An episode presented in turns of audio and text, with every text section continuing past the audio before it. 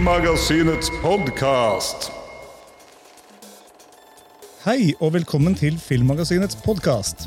Mitt navn er som vanlig Tor Aaberg, og i dag skal det gå i spøkerier, besettelser og overnaturlige fenomener. Vi skal snakke om spøkelsesfilmer eller hjemsøkelsesfilmer, og her er det mye overlapp. Av og til sniker det seg inn en demon eller to. Vi skal ikke henge oss for mye opp i sjanger der, men eh, så lenge det er i det spøkefulle hjørnet eh, og skumle hjørnet, så er det greit. I den forbindelse så har jeg med to gjester i dag. Victoria Skau. Hei, Og du har jo vært med i programmet Spøkelsesjegerne det har jeg. med Lilly Bendriss. Med Lilly Bendriss. Så du er jo tydelig på riktig plass. Ja, absolutt. Og så har vi med oss Espen Iversen, som er stor fan av spøkelsesfilmer og film og serier og TV generelt. Ja, det er stort sett det det går i. Ja. Ja. Velkommen, begge to. Tusen takk. Eh, Ja, Vi kan jo egentlig begynne litt med om dere kan fortelle litt om dere selv. Kunne du begynt, eh, Victoria? Altså, Du er jo programleder for Radio Topp 40. Det er jeg. I tillegg til å ha mer enn i gjennomsnittet interesse for spøkelser og den slags. Ja. Jeg har jo ehm, eh, Jeg har drevet med YouTube i ja, hva blir det nå? seks år. Eh, og det jeg starta med på YouTube, var en serie som het Det uforklarlige. For jeg har alltid vært blodfan av Åndenes makt. Alltid prata mye om spøkelser og sånne ting hjemme. Eh, Så da tenkte jeg at når jeg begynte med YouTube, så var det helt naturlig å lage det innholdet jeg selv ville ha klikka meg inn på. Så da er det jo alt fra hjemsøkte hus til å besøke steder selv. Uh, uforklarlige fenomener og sånne ting. Og det fenga jo virkelig publikummet. Og så, etter et par år, så eh, fikk jeg tilbudet i 2020 om å være programleder for Spøkelsesjegerne på TV Norge og Discovery Pluss. Mm. Hvor stor drøm var ikke det hvis du elska Åndenes makt, og så få jobbe med Lilly Bendriss? Altså Jeg kan jo røpe en liten hemmelighet. Og det er jo det at jeg var jo som sagt blodfan av Åndenes makt, og da spesifikt Lilly Bendriss. eh, og mamma hadde sagt fra jeg var liten at Victoria, en dag så er det du som kommer til å være programleder for Åndenes makt. Og så var jeg sånn Oi! Den Det er en stor ting å si! og så tenkte jeg sånn Ja, men ingenting er umulig.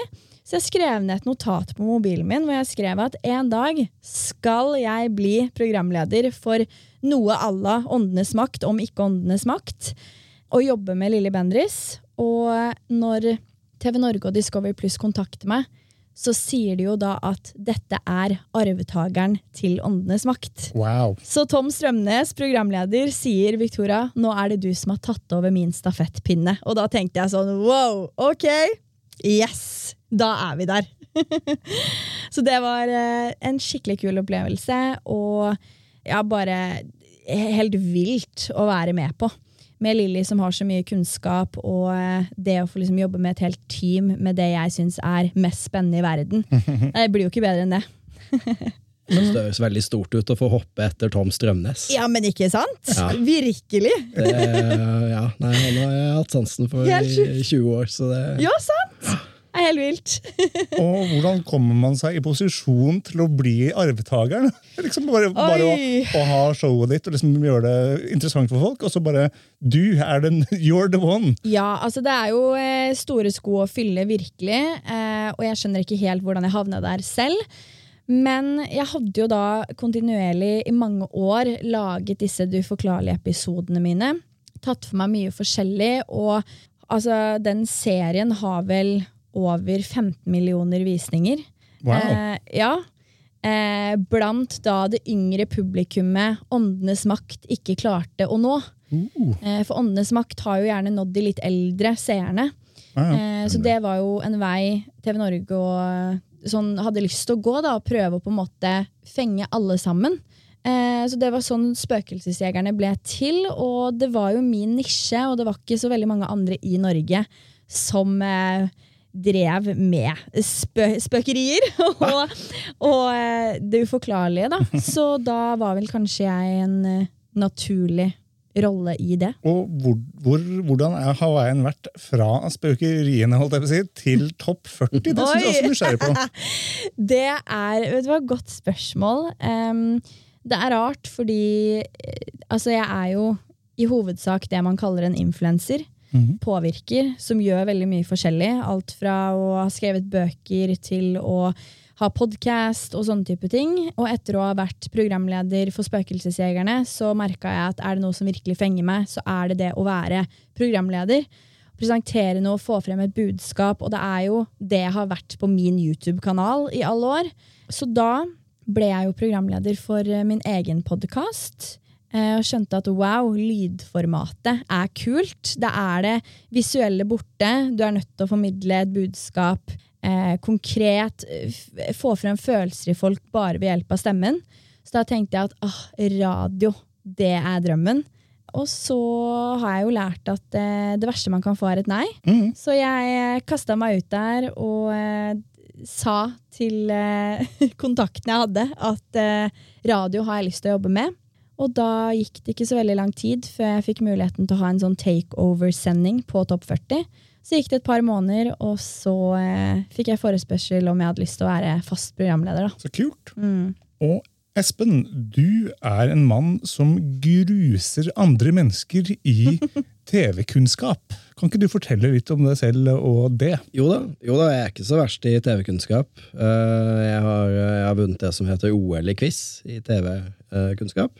Da, så det er vel det nærmeste målbare man har på, på hvem som er mest kunnskapsrik innenfor eh, TV i verden. Eh, Så det er jo det er stas. Ja, For det er internasjonale quizer da, rett og slett? Det er internasjonalt, så der, der var det noen hundre fra hele verden som dukka opp for å gjøre sitt beste. Wow. Men det hjalp ikke. Hvem er de liksom hardeste motstanderne dine da? Nei, det, det er mest i Norge, faktisk. Norge er veldig TV-kunnskapsrikt eh, land. Um, så så de, de verste, de, det er liksom menn. Kar som heter Arild Tørum, for eksempel. Sonja Sirnes. Det er mange store navn. Eh, så det, ja. Hvordan ender man opp med å på en måte bestemme seg for at nå skal jeg bli best på TV-kunnskap? Hvor- hvor- Hvordan er veien dit? Nei, jeg tror det begynte nok med film, eh, rett og slett. Jeg tilbrakte 20-åra på kino og, på TV-skjerm. Jeg hadde en, en fin jobb som gjorde at jeg kunne se masse film på jobb. Det er en bra kombo, det. Kjempekombo. Veldig, veldig glad i spesielt, uh, spesielt skrekkfilm. Det passer bra i dag. Må jeg vel Ja. Um, og så uh, switcha det litt over til interesse for quiz etter hvert. Og så har jo, det må være lov å si da, at TV-former for mange de siste ti åra. Man ser jo mer på TV enn man gjorde før. Mm. Um, Og man kan velge selv hva man vil se på, hvilket hjelper veldig på, på måte, motivasjonen for å se på TV. ja, det er veldig fint å kunne bare putte på det man vil. Så jeg har putta på det jeg vil veldig ofte, jeg, da. uh, og så har, har jeg en sånn eh, kanskje litt spesiell type hukommelse, da, ved at jeg, jeg har delvis fotografisk minne, så jeg, jeg kan se kan stort sett reprodusere Oi. rulleteksten mitt. Wow! Det, wow. Det- er det er er imponerende. Wow. Ja, det er imponerende frem til noen skal teste meg. Da, da, da er det aldri imponerende. Si ikke det, si ikke det. Men det har en funksjon, i hvert fall. Absolutt. Veldig kult. Mm. Ja, eh, Er det noe annet du har lyst til å fortelle om deg selv før vi ruller på med spøkelsene? Nei, i grunnen ikke. Jeg ble jo henta inn fra gata i dag. Så, så dette her er veldig eksotisk og spennende for meg. Ja, Men da kan vi jo begynne med et spørsmål som er rett og slett eh, Tror dere på det overnaturlige? Har dere, på måte, tror dere på spøkelser? Nei, Nei? jeg gjør ikke det. Nei? Nei? Jeg tror. Ja, Det er jo kanskje et godt utgangspunkt for å ha det programmet du, du har laget. Ja, ja. Uh, har du da hatt noen opp, altså Før programmet, har du da hatt noen opplevelser, noen overnaturlige opplevelser? Ja, ja, flere. Kan du fortelle litt om dem? Absolutt. Altså, jeg har jo Det har alltid vært mye åpenhet hjemme om på en måte overnaturlige ting, og eh, mamma spesielt har hatt mange opplevelser. Så ah, ja, hvor skal man begynne? Jeg har hatt ekstremt mange. Huset til mormor og bestefar blant annet, er jo hjemsøkt. Det har skjedd så mye der. Alle som kommer dit, føler på at energien blir dratt ut sekundet du går inn av døra. Da min tante, som bare er et par år eldre enn meg, var liten og nesten ikke kunne snakke, så pekte hun opp på loftet og sa 'djevel'. Oi, Oh shit. Ja. den Eh, filmen har jeg sett. Det har blitt observert eh, skygger eh, gående forbi et vindu i andre etasje, som er langt fra bakkenivå. Ah, ja. Det har nesten vært litt sånn poltergeist-aktivitet. I form av em, Det var jo en eh, opplevelse som Jeg har opplevd masse i det huset, jeg også, men en opplevelse som virkelig skiller seg ut, som min tante opplevde. Hun var hjemme alene, hadde soverom nede i kjelleren. Hører det begynner å romstrere opp på kjøkkenet. Blir jo stressa og skjønner jo ikke hva som skjer. Går opp og ser. Og dere ser for dere et spisebord. Stolene står som normalt. Alle stolene var snudd motsatt vei, så ryggen sto inn mot spisebordet. Wow. Det var rabalderet hun hadde hørt. Helt alene var hun i huset, hadde vært hjemme alene i kanskje en uke. For mormor og bestefar var på tur. Har du sett Parasite? Det har jeg ikke, og jeg har hørt så mye om den filmen! Åh, jeg har, ja, det, det er rart du nevner det, faktisk, for det er så mange den siste tiden som har dratt opp den filmen for meg, så kanskje det er et tegn om at jeg må se den. Synes, Det synes syns jeg du bør. Ja. Men av ting jeg har opplevd selv jeg har, eh, Det er kanskje én historie som virkelig skiller seg ut. Ja, fortell, fortell. Jeg gikk i syvende klasse. Var på besøk hos en eh, venninne. Vi hadde dratt hjem til hun etter skolen, slengt fra oss sekkene, vært ute og lekt. Så sier hun at eh, jeg er nødt til å dra hjem, vi skal få familiebesøk, så hent sekken og bare skal, skulle takke for meg, da. Eh, lillebroren hennes var syk den dagen, så hun var, litt, var sånn Han er syk, så vi må være litt stille bare når vi kommer gående. Når jeg skal inn og hente sekken min, så møter vi en i parallellklassen vår som er naboen hennes utenfor. Så vi blir stående og prate og le høyt utafor med han. Plutselig ser jeg at en eh, dame stikker hodet ut av vinduet i andre etasje, og så gjør hun sånn hysj med liksom fingeren foran munnen. Og jeg var sånn å nei, å nei, å nei, lillebroren er jo syk, dette er familiebesøket som ber oss dempe oss, og jeg var bare sånn sorry, sorry. Og så um, var det kun jeg som fikk med meg det her, for venninna mi sto i prat med han fra vår parallellklasse. Så vi går inn i huset. Da sitter moren på kjøkkenbordet sammen med en annen dame. Ikke den dama som hadde stikket hodet ut av vinduet. Så jeg sier tusen takk for meg, veldig hyggelig, sånne ting. Går og henter sekken min og spør venninna mi på veien ut hvem er hun i andre etasje, er det flere på besøk? Så sa hun nei, det er bare hun som sitter med mamma på kjøkkenbordet. Og jeg var sånn men. Ja! Så sa jeg, men hæ, det, det får jeg ikke til å stemme. Og, hun, og så ble venninna mi litt sånn irritert, og jeg var sånn, ok, jeg skal ikke snakke noe mer om det. Så ringer hun meg på kvelden den dagen, og så sier hun at sorry for at jeg ble litt irritert, men jeg ble redd.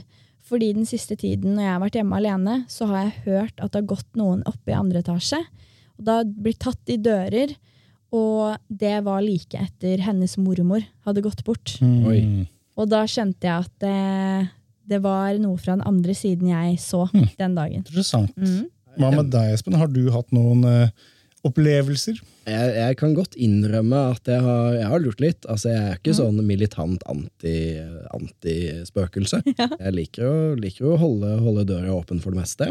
Uh, men det nærmeste kanskje må ha vært eh, at jeg føler vel muligens jeg så en skygge i et hjørne i gamle Arendal rådhus en gang, som, som skal være hjemsøkt av en sånn gammel skipsrederfrue.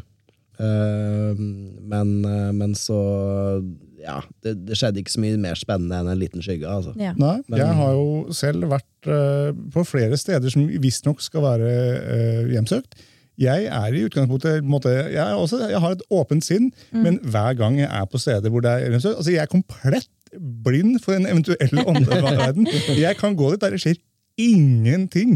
Enda jeg leide et atelier i et sånn gammelt eh, tidligere Oi. hvor det var en sånn creepy Det var barnetegninger på veggene i en mørk kjeller, og en sånn gammel rullestol. Det var ekstremt creepy der. Det- Jeg så ikke noe, Nei. Men uh, andre folk gjorde jo det. Det er et you-problem. Det er, litt, ja, eller er det et problem? Vil jeg det? Jeg vet ikke. Det, det, det, det, det, er- det en dårlig ting? Vi skal etter hvert bevege oss til spøkelsesfilmer, men jeg vil fortsatt da høre litt om du har noen eh, spesifikke historier Victoria, fra eh, Spøkelsesjegerne du har lyst til å trekke fram. Ja, det har jeg. Det er vel kanskje et, et sted som skiller seg ut for meg, og det er Elingård herregård i Fredrikstad. Dette stedet var eh, eh, det siste stedet vi besøkte. Eh, vi hadde vært på masse creepy steder hele sesongen vi hadde spilt inn, så jeg hadde følt at sånn, åh, jeg er blitt litt herda. Men så kom jeg til denne herregården, og alt skulle endre seg. Jeg var jo den som satt på all informasjonen om stedet. Og Lilly var jo den som fungerte som at hun skulle jo Hun er klarsynt, hun skulle på en måte se dette selv og føle. Jeg hadde da fått beskjed om at i denne herregården så var det en kjeller. eh, som hadde blitt brukt som type fengsel. Og at det sies at djevelen finnes i denne kjelleren. Altså Ikke bare et spøkelse, men selveste djevelen. faktisk. Selveste Han djevelen. der. Oi, oi, oi. Yes. Sjefen sjæl. Sjefen sjæl. Og eh, det vi da hadde fått høre, var at det dukker opp et sånn blodmerke på veggen som de har prøvd å støpe over, male over, men det kommer alltid til syne igjen. Og historien på denne herregården er jo at det var husker jeg ikke akkurat navnet, men det er da en eh, Hva kalles det? Hertuginne? Jeg vet ikke hva det heter. men- et eller annet sånt som hadde forsvunnet. Og det sies at det var fordi hun ble tatt av djevelen. Hun har aldri blitt funnet igjen. Hun forsvant en dag. Ble tatt av fanden, som det sies. God start på legende, det der. God start, ikke sant? Mhm. Jeg hadde aldri fortalt Lilly om dette. For jeg tenkte at nå skal jeg på en måte se hva hun fanger opp. Så vi går ned i denne kjelleren, og da sier hun at eh, her skal vi ikke være. Så sier hun at eh, et sted der demoner har kommet inn, forlater de aldri igjen. Uh-oh. Og da var jeg sånn Jeg fikk puls med en gang og var sånn Det her kan ikke hun ha visst. Jeg har ikke fortalt det. Det her er ikke offentlig informasjon på internett. Eh, og visste bare sånn Ok, det her er ikke noe vi skal tulle med. Så hun sier det, og så får hun panikk. Får opp et bilde i hodet av djevelen. Og vi ender opp med å spurte opp trappa, hun sier det skal låses. Det, der holder vi oss langt unna. Det som var, var at dette stedet skulle jeg og min medprogramleder sove. Oh. Helt alene, uten produksjon. Alt sånn. Lilly nekter å sove der. Hun sier at jeg, jeg skal dra. Jeg må omtrent velsigne dere før vi drar. Og den natta der er kanskje den verste jeg har hatt i hele mitt liv. Så du gjorde det, du gjennomførte, selv om på tross av alt, liksom? På tross av djevelen i kjelleren. Um, og det skal sies at det er en herregård, enormt stor. Jeg og da Robin, som han heter, sov på hver vår side. Vi hadde kun night vision-kameraer vi gikk rundt med. Og den natta skjedde det altså så mye. Vi gikk blant annet opp på loftet eh, på en mørk herregård helt alene. Og så hører jeg den verste lyden. Og så tenker jeg sånn, er dette frykten i meg? Er det bare hodet mitt som spiller meg et puss? Så jeg spør da Robin, hørte du det? Og han sier, skriket tenker du på? Og da var jeg sånn, ja. Oh. Så eh, mm, den natta der, eh, fullstendig overbevist eh, etter å ha vært med på Spøkelsesjegerne, etter alt jeg på en måte har vært vitne til, hva Lilly har fortalt, og sett hvordan dette funker. da, For mange stiller seg jo kritisk til sånn som Åndenes makt, Spøkelsesjegerne, men også å se hvor strenge produksjonen er på at vi fikk aldri lov til å si at vi så noe om ikke vi gjorde det, at vi hørte noe om ikke vi gjorde det. De var superstrenge på det. Og det også var jo godt for meg å se, i og med at jeg har vært så fan av Åndenes makt, at de presenterer ikke et fake produkt. Det som skjer, det skjer. Ikke sånn at du kommer dit og så bare Å, nå ser jeg alt fra innsiden. Er det sånn det er? Liksom. Så det var, det var det som var vilt, å på en måte se at det her er så ekte som du får det, og det her finnes ikke noe tvil i meg. Og han Robin som var med, han er skeptiker. Og han, etter vi var runda av sesongen, så var han sånn Det finnes ikke noe tvil i meg lenger. Nei, Der gjør du forskjellen på deg og meg. Jeg hadde jo aldri gått opp på det loftet. Jeg utfordrer skjebnen. Ja, ja, ja. Og det er jo en sånn typisk ting man faktisk gjør i sånne spøkelse- eller demoniske skrekkfilmer. Det er jo typisk å ikke gå opp der, og så gjør man det. Det er jo den klart. mest typiske greiene. Det er jo en go-to i skrekkfilm. Jeg gjorde jo alt man ikke skal gjøre. Ja, ja. Ja, Det er dere delte delte dere til og med opp. Ja, ja, ja, ja. Det gjorde vi òg. Så klart, og det er jo, altså, det er jo the, det holy, unholy trifecta. Det er det sånne ting. Men apropos det, så kan vi jo snike oss inn i altså Det har jo blitt veldig populært, og det finnes veldig mange filmer om det overnaturlige, om det så er spøkelser, demoner, hva enn. Ja. Hva er dere som tenker som, at, hva tenker dere at gjør det så tiltalende for publikum, og hvorfor har det blitt så populært? Jeg jeg føler jo at det er fordi det er det ukjente. Det Samme som med serien min på YouTube. Det uforklarlige. Det, det tenner noe i mennesker, det vi ikke har kontroll på, det vi ikke har noe fasit på. Spekulere rundt det. altså Det trigger, da. Jeg tror det stemmer veldig godt. Og så er det også noe med det at hvis, eh, hvis noe skal være virkelighetsnært, så, så må det være desto bedre for å funke. Eh, mens, eh, mens du slipper unna med litt rusk i maskineriet når det er noe som ikke er så virkelighetsnært. Det er i hvert fall noe jeg vil påstå. Ja, og det er jo en, på en, måte, en hel egen sjanger med hjemsøkelser og, og måte haunted houses og sånn. Og hva er det som skiller det fra er er det tanken på at man kanskje kan komme igjen etter døden, og ikke på en god måte, men at man kan, er, det, er det noe knytta til livet, tenker du? At, liksom, at det er et eller annet tragisk og eventuelt skummelt hvis man blir det spøkelse, da? Ja, men det er jo det. Ja. det, det, det ligger- altså, selv oss som ikke tror på spøkelser, eh, vet jo at det er noe som heter døden. Ja. Eh, og mange av oss eh, vet ikke helt hva som skjer etter døden. Nei? Eh, kanskje, kanskje alle ikke vet hva som skjer etter døden. Og, og da er det jo klart det er, det er, det er en enkel, enkel dam å dyppe i. da. Ja. Det er, det er masse materiale å finne der. Eh, Du har, for du har masse frykt bak i hodet hos mange, Mm. som, som mange ikke en, altså går rundt og tenker på til daglig, og så utløser du det. Eller bare tanken på å bli fanga i en sånn derre altså Særlig veldig mange spøkelser som i hvert fall fremstilt på film, er ganske grynte og har mye sterke følelser. Ja. Og de blir fanga i sånn etterliv, i en slags mellomtilstand hvor du bare repeterer det samme og skal være kjip med folk. Ja. Altså Det virker jo ikke som en god tilværelse. Nei, absolutt ikke. Det gjør jo ikke det. Nei. Eh, Så Det er ikke noe innbydende sånn sett. da. Nei. Men hva vil dere si er deres favoritt-spøkelses- eller overnaturlige filmer, og, og hvorfor har de gjort inntrykk på dere? Altså Jeg må jo si at det her er ikke min eh, favoritt, men er den som har traumatisert meg mest.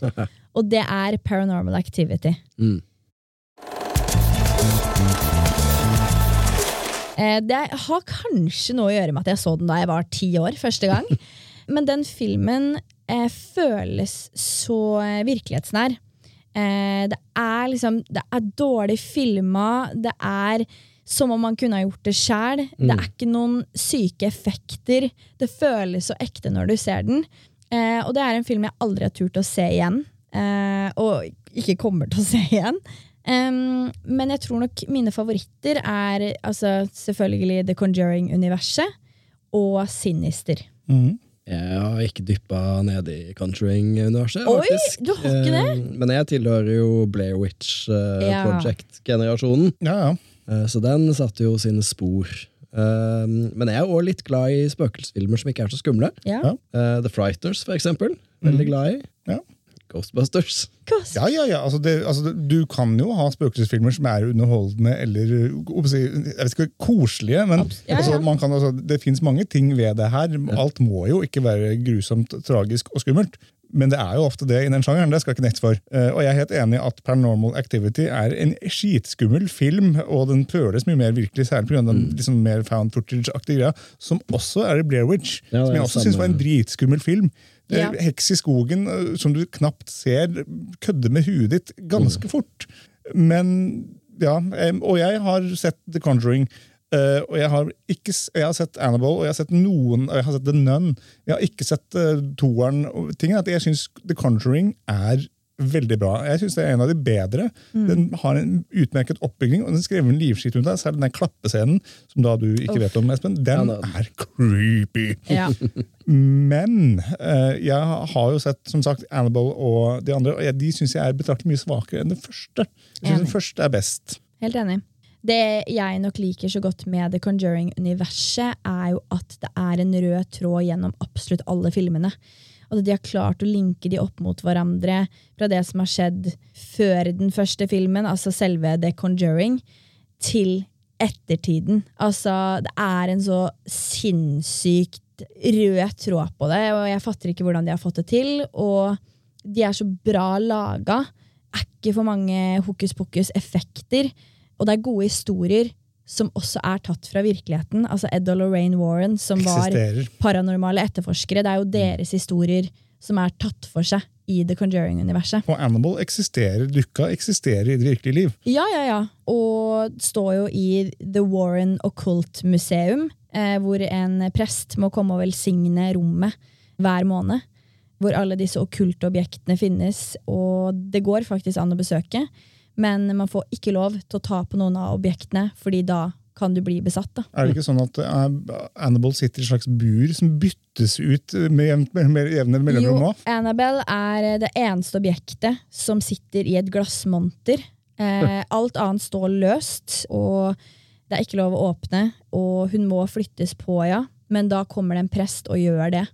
fordi det er såpass ille, og den mest eh, hjemsøkte gjenstanden da, dette museet inneholder. Har du vært der? Jeg skulle ønske. Jeg har veldig lyst, jeg. Hvor er Men det? eh, nei.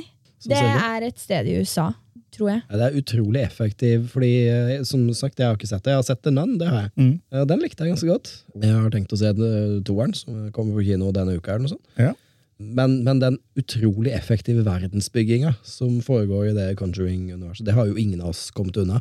Altså selv, selv jeg som ikke har sett noen av filmene, vet jo sånn cirka hva det går i. Ja. Og, og kan følge sånn noenlunde med på en samtale. Og det, det er jo altså en veldig viktig nøkkel til engasjement og, Absolutt. og eh, ja.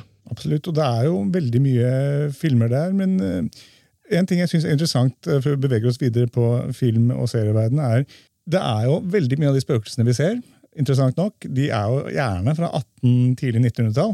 Hvorfor finner vi ikke noen spøkelser som uh, på en måte er fra tidlig eller seint 90-tall, som liksom driver og synger på 'Hit me baby one more time'? Liksom. Hvorfor er alle spøkelser gamle? Har vi sluttet å produsere nye spøkelser? Hvor kommer de greiene derfra? Hvorfor er det ikke noen moderne tech-spøkelser? liksom? Nei, altså jeg har jo sett det mer i serier, da. At det har kommet eh, mer moderne spøkelser. Men det er jo mer på en måte underholdningsmorsomme serier igjen. Når man ser på liksom skumle skumle skrekkfilmer, så er det jo ikke noe av det man finner. Men jeg vet ikke, Kanskje det er noe mer eh, creepy over det. I og med at det er ikke fra vår tid. Eh, det føles mer ukjent igjen. Det gjør det enda skumlere. Kanskje det er en teori på det. Og det som er gammelt, er ekstra skummelt, kanskje? Ja. ja absolutt. ser jo det, det er jo ikke like skummelt om man går inn i et funkishus og eh, spiller inn en skrekkfilm. Det er et veldig en- godt poeng. Ja, det er jo det. Hvis det er viktoriansk eller enda eldre, så blir Da det gjør det noe med stemningen. Atmosfæren, det, det er et godt poeng. Ja. Um, ja, sant nok. Men hvordan tenker dere at spøkelsesfilmsjangeren har utvikla seg? Er Liksom, I løpet av årene Har den ut, gått tatt noen bestemt retning vekk fra hvordan den var til å begynne med? Litt mye mer visuell. Ja, mye mer visuelt, ja. Det har jo, altså Nå ser vi jo spøkelsene ofte på film. Det gjorde vi jo ikke før. Eh, I noe særlig grad. Changeling, eh, synlige spøkelser. Kan vi jo diskutere om The Shining er en spøkelsesfilm, og hvorvidt vi ser spøkelser hele tida eller aldri. Det er jo på en måte onde ånder på en måte i den, men det er jo mye tolkning. Man man kan tolke ting i flere retninger. Ja, altså jeg må jo si det at eh, jeg er nok ikke så fan av hvordan det har utvikla seg. Jeg syns det er mye skumlere når man ikke helt har kontroll på hva som skjer. Eh, fordi at disse spøkelsene som eh, vises i skrekkfilmer, det blir for hva kan man si, sci-fi for meg. Så det føles ikke så ekte igjen. Og jeg sitter igjen med en ekkel følelse når jeg føler at dette kunne jeg ha opplevd selv hjemme i min leilighet. Det er da det blir en ekte skummel skrekkfilm for meg. Jeg skjønner hva du mener. Jeg, for en stund tilbake så anmeldte jeg en serie som heter Lockwood Company, som er en sånn ungdomsserie om spøkelser som begynner å dukke opp uh, i verden. Og da er det en gjeng med ungdommer. Da. Eh, dette er en egen fiktiv verden hvor det liksom, de ungdommer har spesielle krefter som kan gjøre at de kan se spøkelser og høre spøkelser. og har en egen sånn greier, Og den fader med tid. Og noen av de kan på en måte og, og jobber i sånne companies for å på en måte jakte ned spøkelser. Og utstyrt med sverd i moderne setting. Og så den er interessant. Jeg vet ikke om noen har sett den. Nei. Jo, jeg fått med den. Og jeg syns ikke den var så verst. Helt grei. Ja, helt grei. Jeg synes, altså, det kom, hvis det kommer en sesong til, så har jeg tenkt å se den. Men poenget mitt der, det jeg syns med den, er at veldig mange av de spøkelsene for å gå tilbake til det du sa, Victoria, er jo at jeg syns de var for flashy. Det er for mye farger, det er for mye effekt. Ja, Ja.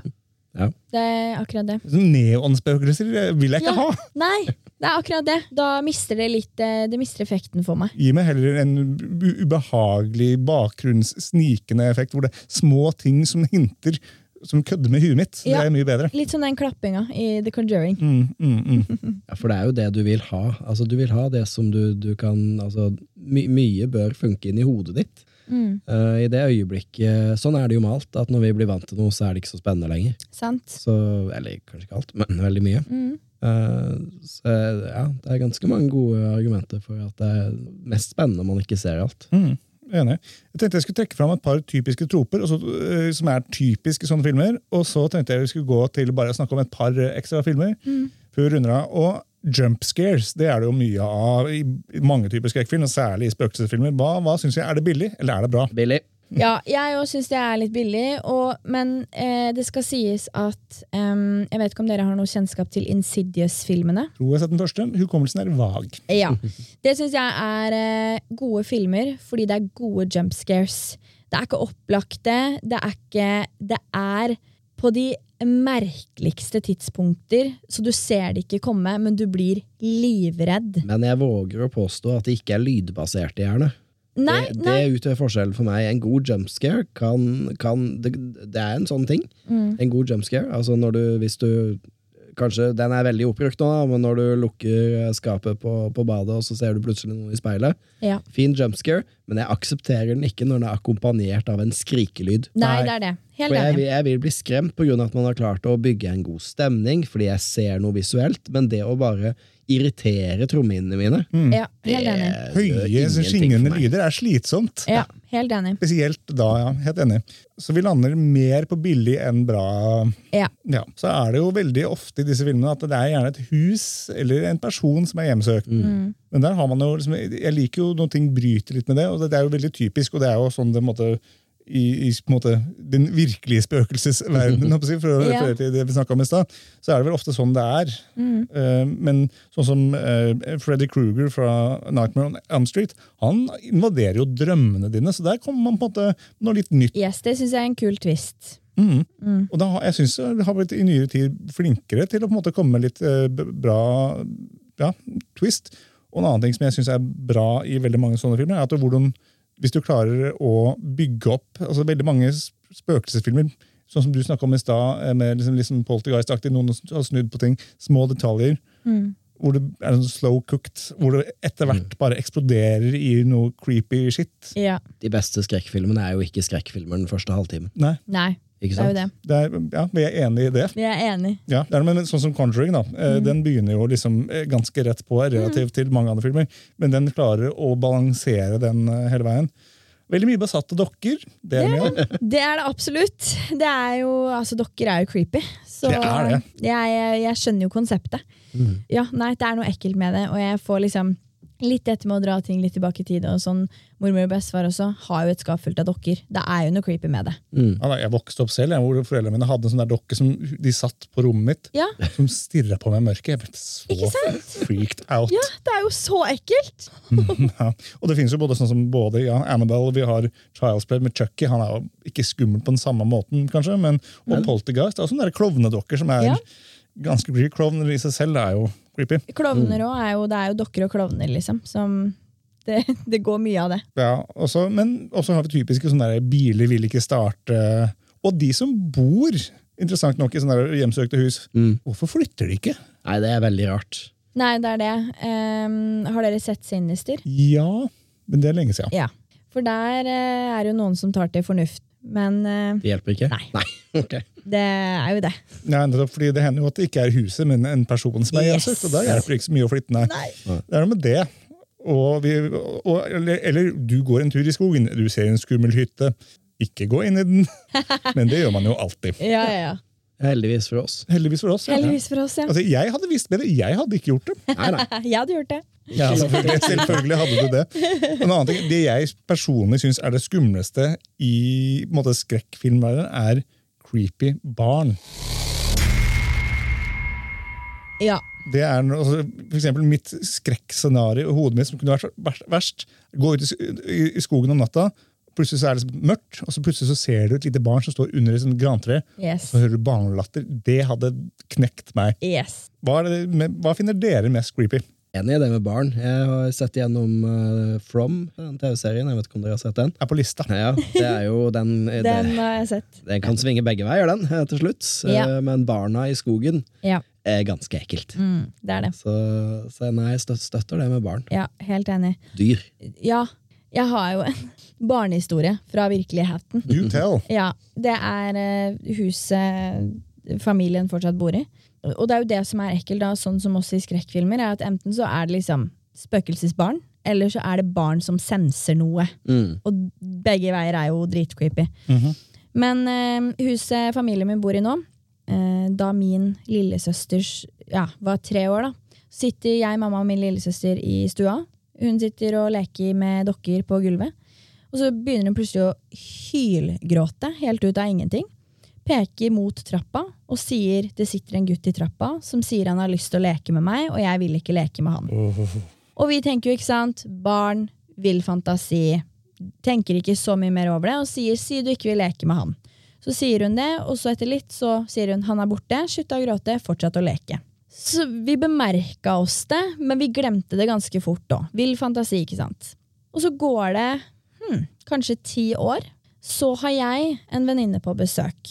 Og så er det Vi var oppe, selvfølgelig. Kjempe oppe sent på kvelden. Skal stelle oss på badet, og da er det sånn når man går fra mitt soverom til badet, så ser man opp på trappa. Der henger det et speil på veggen, så man ser opp på der denne gutten visstnok satt. Og så det som skjer, er at vi skal på badet og stelle oss, helt mørkt i hele huset, men det gnistrer fortsatt fra peisen eh, oppe i stua. Så jeg skal jo da tulle med min venninne og være sånn 'Å, det er flammer oppe i stua'. Så jeg sier liksom 'se opp'. Så hyler min venninne, spurter inn på do. Og jeg var sånn 'slapp av, det brenner ikke'. Det var, det var veldig dårlig spøk. Så sier hun 'men så du ikke gutten i trappa'?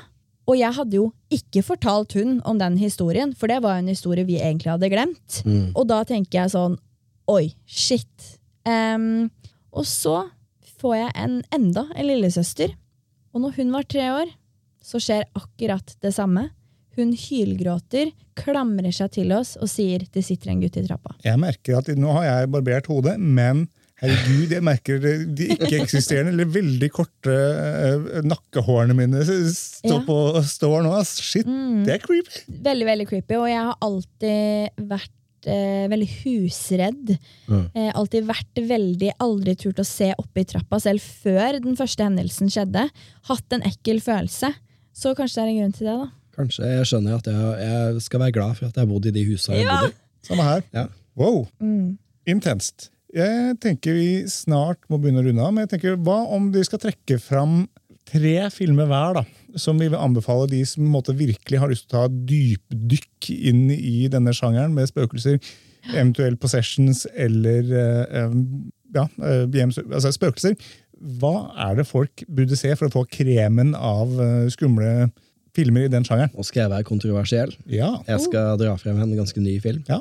Talk to me. ja. Å, hallo! Jeg har så lyst til å se den filmen. Jeg har hørt at det er en av de beste skrekkfilmene laga. Den har sine tilkortkommenheter som alle andre skrekkfilmer, men den, eh, det er noe av det mest solide jeg har sett eh, Oi. på kino på lenge. altså. Hva er det du vil si som gjør den, hva gjør den bra? det som, eh, det som solgte den for meg, det er det at Nå er litt redd for å spoile, men jeg, jeg tror det her kan vi si uten at det ødelegger for noe, men det er aldri noen som stiller spørsmål uh, ved, at, uh, ved at spøkelser er noe som finnes i denne filmen. Den, den, det er så casual hele veien. altså Det, det er nesten sånn rett på. Man gjør noe som, uh, som, som bringer frem spøkelser, og, og det, er, det er mye å ta tak i i filmen, altså som folk reagerer på og stusser på. Men det at spøkelser eksisterer, det tar alle for god fisk, og det, sånn er det bare. Og det funker så bra. Ja. Du slipper den der halvtimen hvor, du skal, eh, hvor folk skal overbevises. Ja. Og det er kanskje litt paradoksalt for en som uh, trenger å overbevises, da. Mm. Uh, at jeg likte det så godt, men det syns jeg var et ordentlig godt Kult. Og så er den jo griseekkel, da. Ja. Det hjelper, det òg. Det, det er ikke noe minus. Noen andre filmer? Ja, jeg har jo også nevnt The Frighteners, da, Ja. som, uh, som jeg er veldig glad i. Eh, En gammel film med Michael J. Fox eh, og en haug med skuespiller. Eh, Nei, skuespiller, ja. En haug med spøkelser.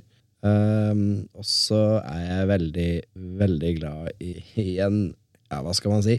Det er ikke en spøkelsesfilm. Den bare later som den er spøkelsesfilm lenge, og siden den er veldig gammel, så er det lov å si, si hva den heter. Det er Don't Look Now. Mm. Den, uh, den syns jeg funker veldig bra. Kult. Ja, Hvis du skulle trekke fram noen, da, Victoria? Eh, jeg må si hele egentlig The Conjuring-universet. Eh, men jeg må si at jeg liker jo The Conjuring-filmen best. Mm. Sinister 1 og Smile. Å, Smile, ja. Jo, Ja. Den, den funker òg. Den funker òg veldig bra. Det er kommet ekstremt gode sånne Jeg føler at Smile og Talk to me Det er litt sånn samme stil over det. Så nei, de tre liker jeg veldig godt. Det er sånn go to. Men nå er jo jeg typen som kan sovne til skrekkfilmer òg. Sånn, legge meg om kvelden, jeg føler meg herda. Så det skal mye til for å skremme meg skikkelig, og det er det jeg vil ha. Så jeg håper at eh, Talk to me kan gjøre det. Så alt det du egentlig har gjort eh, med- Bendris og spøkelsesprogrammet, har egentlig bare vært for å herde deg selv? Ja, ja, jeg blir aldri redd, så jeg er på utkikk etter noe som kan skremme meg skikkelig. Det er følelsen jeg vil ha. Mm. Da, jeg, siden jeg tok med en film som ikke egentlig er en spøkelsesfilm, og ødela den for alle som ikke har sett den, kan jeg få lov til å nevne én til som Ja, er en spøkelsesfilm? Kjør på. Session 9. Har du sett den? Nei, men den er på lista. Den er- jeg, jeg ser veldig mye, både Ja. filmer og serier, men det å strekke seg til å se alt, det er Ja. vanskelig. Den er vi sånn 20-ish år gammel, og, og den, den handler om, et, uh, om en gjeng som, som, uh, som rydder på et gammelt sanatorium. Og det er litt sånn, altså det, den kunne fint vært laga på 60-tallet òg. den tar vare på alt, og så går den i en litt spennende retning på slutt. Så den vil jeg, den vil jeg veldig også anbefale. Du sovner fort til den, det gjør du nok. Men jeg vil anbefale du ikke gjør det. Ja. Ja ja. da. Oi, spennende. Hvis jeg skal trekke fram et par, så altså, Jeg vet ikke om jeg skal si det er min yndling, men det er jo en interessant film. for Jeg skal trekke fram gode gamle The Sixth Sense. For den er jo morsom med noen Ja. interessante plot twists, om ikke annet. Nå er den såpass gammel at ja, det er jo en liten gutt som ser døde folk, og det er jo en liten interessant twist Yes. uh, på slutten der, som jeg syns er bra. Vi er enige i at The Conjuring er en utmerket film. Uh, Yuon, eller også kjent som The Grudge, det er et eller annet med sånne japanske Enig. langhåra, mm. blodige damer som kommer krabbende ned trappa, som er jævlig freaky. Så Ja, måtte, The Grudge er Eller helt enig. Ja, eller ut Ja, av TV-en som som The Ring. er. Altså, jeg liker den japanske skrekkstilen. Mm. Eller hvis jeg skal trekke fram en siste, så jeg syns også at faktisk The Babadook uh, Ja. er ganske kul uh, og freaky. På sånn traumatiserende måte. Så det, det, er mye, det er mye bra. Vi kunne egentlig sikkert sannsynligvis prata i timevis om flere sånne her filmer. Vi kan alltids gjøre det en annen gang. Men ja, da takk. eh, Tusen takk for at dere kunne komme i dag. Det verdsettes. Ja, takk, Takk. for at vi fikk komme. Så bra. Eh, Jeg vil anbefale alle å eventuelt følge dere på sosiale medier. Hva er mediene deres? Victoria Skau overalt. På YouTube, TikTok, Snapchat, Instagram. Ja, eh, Espen Iversen, der, der det går an. Stort sett Twitter og, og Blue Sky om dagen. Ja. Så graver du dypt, så finner du en gammel blogg hvor det, finner, hvor det finnes litt eh, filmgreier. Herlig. Jeg vil selvfølgelig anbefale alle, alle som hører på, å eh, snakke om denne podkasten til alle de kjenner, og spre den som en eh, skal ikke si et virus, men en som en dårlig spøkelseshistorie. Ja. Eh, og eh, ja, følg oss gjerne på sosiale medier. Vi finnes de fleste steder. Tusen takk. Takk for i dag. Farvel. Farvel. Ha det. okay. Sånn. Følg oss på Facebook under navnet Filmmagasinet, på Instagram under navnet filmmagasinet.no, på Twitter med at filmmagasinet, og nå, helt nytt, på TikTok med at filmmagasinet. Med oss i studio har vi Lilla Lyd, som styrer lyd og teknikk. Introvinetten er laget av Francesco Hygen Pudo. Tusen takk til Bauer Media for godt samarbeid og utlån av studio. Ansvarlig redaktør for Filmmagasinet er Eirik Bull, og mitt navn er Tor Aaberg.